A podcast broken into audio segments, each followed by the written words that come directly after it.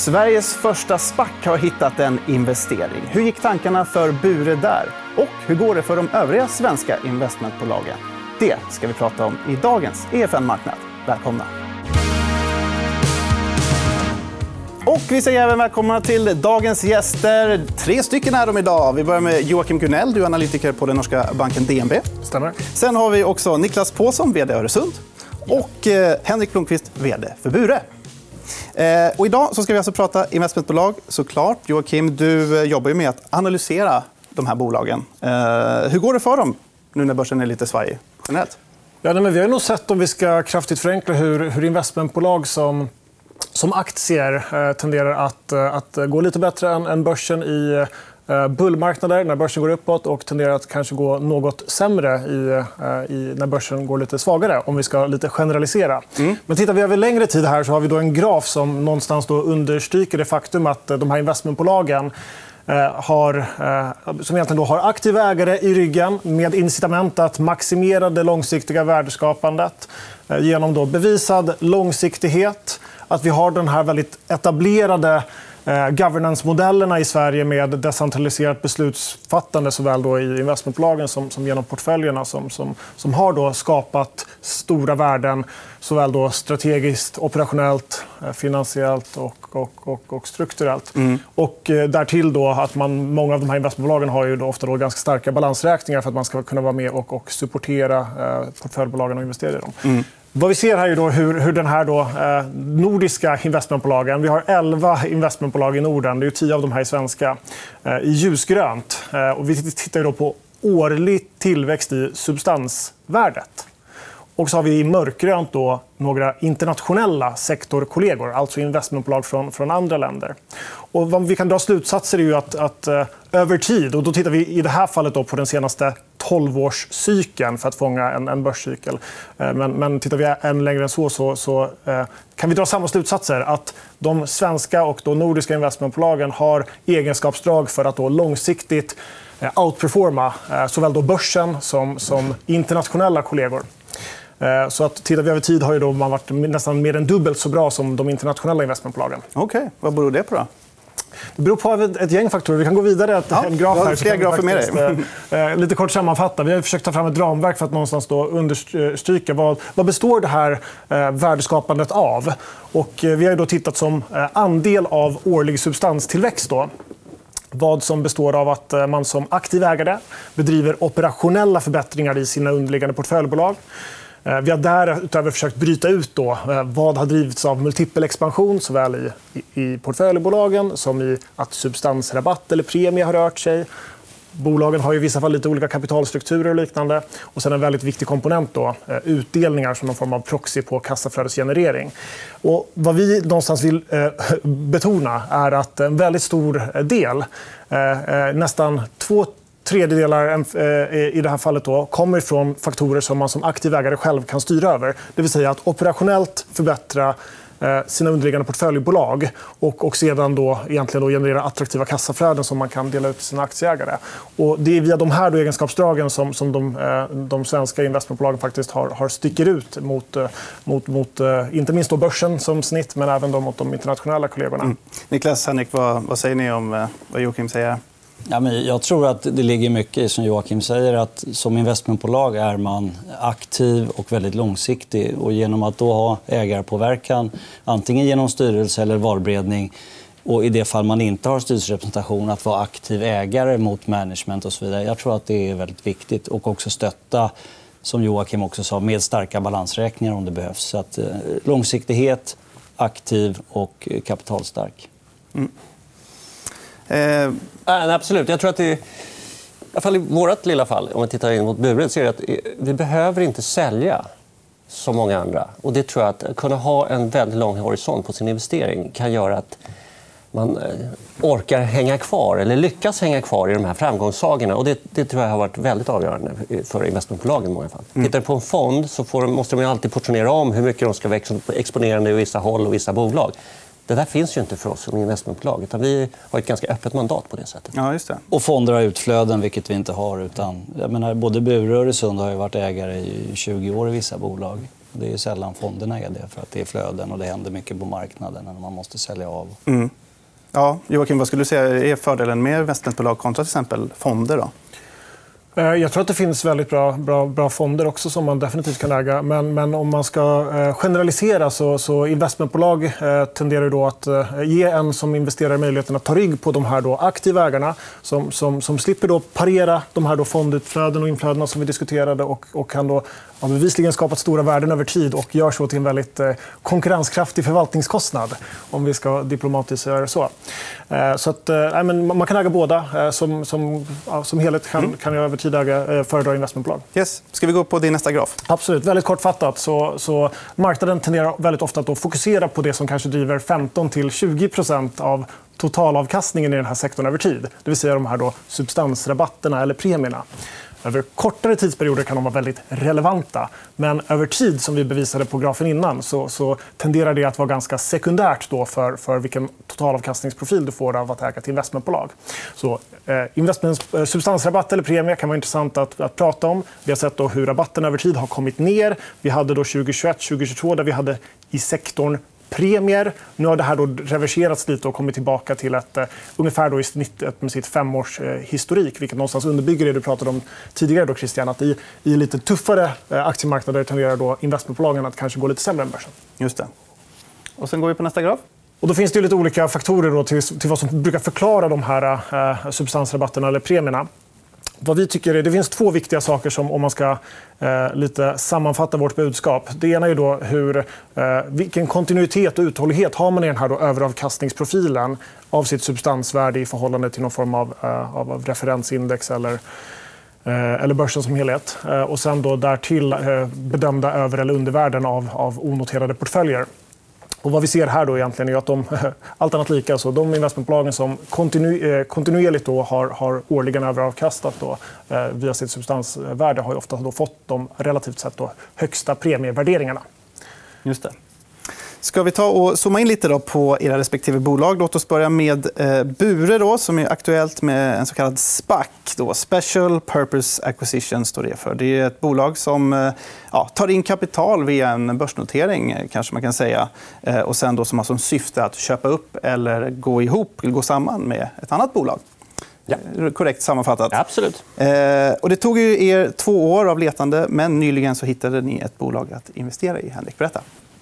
Ja, vi satte ihop den här spacken för två år sedan lite drygt och eh, har sedan dess aktivt letat efter intressanta bolag investeringssituationer som vi kan då eh, gå ihop med eller förvärva. Som man säger. Det är totalt 3,5 miljarder kronor vi hade i den här spacken. Och nu har vi då i onsdags förra veckan annonserat att vi avser att gå ihop med ett bolag som heter Jubico. Just det. Cybersäkerhet eh, sysslar ja, med. Mm. Precis. Och det är ett superspännande bolag, tycker vi. såklart. Vi tycker att det tickar alla de boxar vi satte ihop, satt ihop när vi gjorde den här spacken. Alltså investeringskriterierna. Det är ett nordiskt eh, men internationellt inriktat bolag, tydlig marknadsnisch, växande, fantastiska entreprenörer. Alltså vi, vi är väldigt, väldigt glada över det här. Ja. Ja, Bure var ju redan en av de största ägarna i Yubico. Hur kommer det sig att ni eh, landar i att investera i ett bolag som ni redan liksom har i portföljen? Så att säga? Ja, vi hade en minoritetsandel i det här bolaget sen 2017. Det är väldigt riktigt. Men, men det är viktigt att förstå den här situationen. Att det är egentligen 50 är eh, amerikanska delägare i bolaget, i Jobico och dessutom eh, två starka entreprenörer. Så det är med dem vi har förhandlat den här affären. Det är ingenting vi har bestämt själva att vi kan göra. Eh, den här affären. Så det är framförallt med entreprenörerna och sen även med amerikanerna. Vi kommer därtill öka vårt ägande i det här bolaget. Och även min kollega kommer föreslås att bli ordförande, Patrik. Så att, eh, jag tycker vi, vi kliver liksom fram i det här bolaget. Det är inte fråga om någon exit från vårt perspektiv. Eh, Joakim, både Bure och eh, AMF står ju på både köpar och säljarsidan i den här affären. Ser du någon intressekonflikt där att köpare och säljare i mångt och mycket är samma personer från samma företag? Nej, alltså inte i det här fallet. Jag, jag själv bevakar även då, eh, teknikaktier faktiskt och hade tillfälligt, eh, eller möjligheten att åka över och träffa eh, Ubicos eh, nya eh, management i San Francisco här för en dryg månad sedan. Och jag tycker att eh, eh, det, det, finns inga så här, egentligen då, eh, tydliga intressekonflikter som jag ser det här. Och precis som, som Henrik är inne på handlar det mer om att Bure faktiskt då flyttar fram sina positioner i Ubico. Och det handlar inte om att någonstans då realisera och, och någonstans någon form av kortsiktig upplyft av substansvärdet det är, det är inte riktigt det som, som driver på den här. Utan det finns en industriell logik bakom den här affären. Mm. Och börsen kanske man kan säga är lite kall för tillväxtbolag just nu. Och att notera då ett techbolag, eh, hur klokt är det? Ja, jag vet inte hur klokt det är. Det kanske någon annan ska svara på. Men, men för oss så är det det här vi på något sätt har jobbat med sen 10-15 år tillbaka. Det här vi tycker är kul, det här vi tycker är spännande. Och, och produktägande bolag med, med fina bruttomarginaler som ska tas och förflyttas internationellt. Det är, liksom, det är det är våran background, som vi säger. Och, och, därför blir det här väldigt, väldigt naturligt för, att, för oss att kunna fortsätta engagera oss i. Mm. Niklas, har Öresund tittat någon gång på att börsnotera en SPAC? Ja, vi tittade när det var som hetast här för två år sedan. Men av lite olika skäl så, så valde vi att uh, inte göra det. Mm. det. Det var ett antal som var ute och vi tyckte att det, det fanns tillräckligt med möjligheter. Så vi avvaktade helt enkelt. Eh, om vi tittar på Bure i övrigt. Då. Eh, Henrik, vill du berätta lite om, eh, kort om er affärsstrategi och era portföljbolag? Ja, vi har ju då 14 eh, bolag. brukar jag säga. Du sa att det var 12, men det är nog 14 ändå. Eh, och vi har som du ser, de är ganska genomgående. Det är ganska få sektorer. Det är tech, då, vi har lite medtech och lite finansindustri. Men annars är det, liksom, det är där vi är. Det är två stycken bolag som står för lite drygt 60% av våra, våra tillgångar kan anses vara lite udda, men det är också en del av den här konsekvensen av att vi är kvar i de bolagen som vi har ägt länge. Både Mycronic och Vitrolife har vi ägt i längre än 22 år. tror jag faktiskt idag. Mm. Och vi brukar säga så att Bure är en investerare, absolut. Men vi ser oss väldigt mycket som bolagsbyggare. Det är det vi tycker är spännande. Och det är det vi egentligen brinner för på kontoret. Så jag skulle säga att vi lägger någonstans mellan 75 80% av vår tid på våra bolag och hur vi ska hjälpa dem att bli superstars. Så att säga. Det, det, blir de bra så kommer Bure också bli bra. Mm. Det är så konsekvensen blir. Ja. Joakim, vad säger du att ha en lite övervikt så där, eh, som de topp två här till exempel? Eh. Ja, men det, det, kommer nog eh, tillbaka till det som Henrik var inne på tidigare, att man inte behöver sälja sina portföljvinnare. Så att säga. Utan jag tror att den här substanstillväxten som vi såg då i den första grafen jag visade, där, där då Bure föll ut väldigt bra över den senaste 12-årsperioden, hade inte sett ut så ifall man hade varit tvungen att sälja i ett Vitrolife eller Mycronic för den delen. Mm. Vi har faktiskt sålt lite, lite grann tre gånger under de här åren. Och det var väl de sämsta affärerna jag har gjort. i alla fall. Det ska vara mycket bättre att behålla dem. Så det är väl lite en lärdom. kanske. För att få loss lite pengar? Ja, för att göra andra investeringar. Ja. Sen får man ju diskussion ibland att varför så stor centrering. Men det är ju för att det har gått så bra. Absolut. Så att det är ju förklaringen till att 60 är mm. i två bolag i det här fallet. Och vi har ju också den i viss mån på Bilia. Spontant är det så att vi försöker få vi ser lite som snöbollar. Har vi sagt. Man rullar en snöboll och blir större och större. Och större. Och de här har väl rullat lite före de andra bolagen. Men de ska också rulla på och bli större och större. Det är liksom så fundamenten Just det. Ska vi ta en kort titt på Bures aktiekurs också? Eh, vad säger du om positionen och, strategin här framåt? Nej, vi hade ett jättejobbigt 22. Eh, jag ska ha bolagsstämma nästa vecka. Det kommer inte bli någon rolig historia att dra den historien. Men, men det var ett jobbigt år, men det har att göra med de här tillväxtbolagen. Och vi är väldigt tilltade mot tillväxt för att vi tycker det är spännande att utveckla bolag på det sättet. Sen tycker jag kanske att man inte ska kommentera sin kurs så mycket. Men, men eh, ja, det var ett jobbigt 22. Men, ja, men vi tycker att bolagen under 22 utvecklades väldigt väl, egentligen allihopa. Jag tror inte... Ja, genomgående så var det bättre 22 än 21. Mm, just det. Joakim, ser du köpläge i Bure? Vi har ingen officiell rekommendation. Eh, så att, jag skulle säga att jag tycker att eh, nu, nu har ju värderingen av substansen eh, normaliseras varpå de underliggande portföljbolagen allt lika har blivit billigare. Så att om vi ser det så, så kan vi absolut se det som ett köpläge. Diplomatiskt, måste jag säga. All right. Vi ska gå vidare nu och prata lite om Öresund, investmentbolaget där finansmannen Mats Kviberg med familj är största ägare. Niklas, vad har ni för investeringsstrategi? Skulle du säga? Eh, vi, eh, vi försöker ha en, en välkomponerad portfölj av, av bolag som är, tycker vi, attraktivt värderade, bra marknadspositioner men som också levererar kassaflöden och utdelningar. Sen har vi... Här ser vi den också. Ja, vi har ganska brett spektra. Allt från konsument till eh, finans till life science och, och lite tech också. Men vi är inte så nischade som, som Bure är. Eh, mm. Obilia har ju varit en fantastisk resa för oss. Och där jobbar vi mycket med att försöka forma om det till ett servicebolag där vi har två tredjedelar av vinsten. Eh, men där marknaden har varit lite skeptisk mot att det är mer elbil, mindre service och så vidare och förbränningsmotorer. Men det finns väldigt mycket att göra på servicemarknaden där i form av tilläggsförvärv och tillväxt. Just det. Eh, och sen har vi eh, ja, också bolag som vi är aktiva i och eh, vill vara med och utveckla längre fram. Mm. Eh, Ovzon, mobila bredbandsbolaget, eh, där har ni båda investerat? Ja, det stämmer. Vi, vi, såväl Öresund som Bure var med strax efter börsnoteringen 2018. Och vi har båda styrelserepresentation. Och det stämmer. Under året här så är planen att få upp vår egen raket. SpaceX hjälper oss med den och kunna leverera då ännu mer kapacitet via ännu bättre prestanda eftersom den är skräddarsydd med våra terminaler. Så det blir ett väldigt spännande år här. Ja. Ska ni åka dit till uppskjutningen? Vi får se, men det Vi finns pratade just om risk det. om det. Ja. Jag tror att det, alla vill åka dit. det är så. Ja, det är spännande. Eh, Joakim, vad, vad, säger du? Vad tycker du om Öresund som investmentbolag? Jag tror att eh, med den här portföljkompositionen så känns det som en portfölj som, som passar kanske eh, än bättre liksom relativt sett i, i den här eh, räntemiljön vi har nu. Där, där liksom nu när kapital faktiskt kostar pengar och liknande. Så att det, i grunden så är det väl, även om det finns en del tech-inslag i portföljen så är det ju ganska värdeorienterat. Och, och därtill så har du en ganska ganska attraktiv eh, direktavkastning i Öresund-aktien också. Så att jag skulle väl säga att eh, om, man får fortsätta på den här diplomatin så finns det väl liksom någonting för båda. Eh, om man då vill få den här lite mer rena tillväxtexponeringen så kanske då Bure och om man, om man är lite mer värdeorienterad i det här fallet då, då Öresund. Och under första kvartalet så har Öresund köpt aktier i Handelsbanken, Tele2, Stenhus Fastigheter mm. samtidigt som ni sålde aktier i Nordnet och även i finska Musti Group. Mm.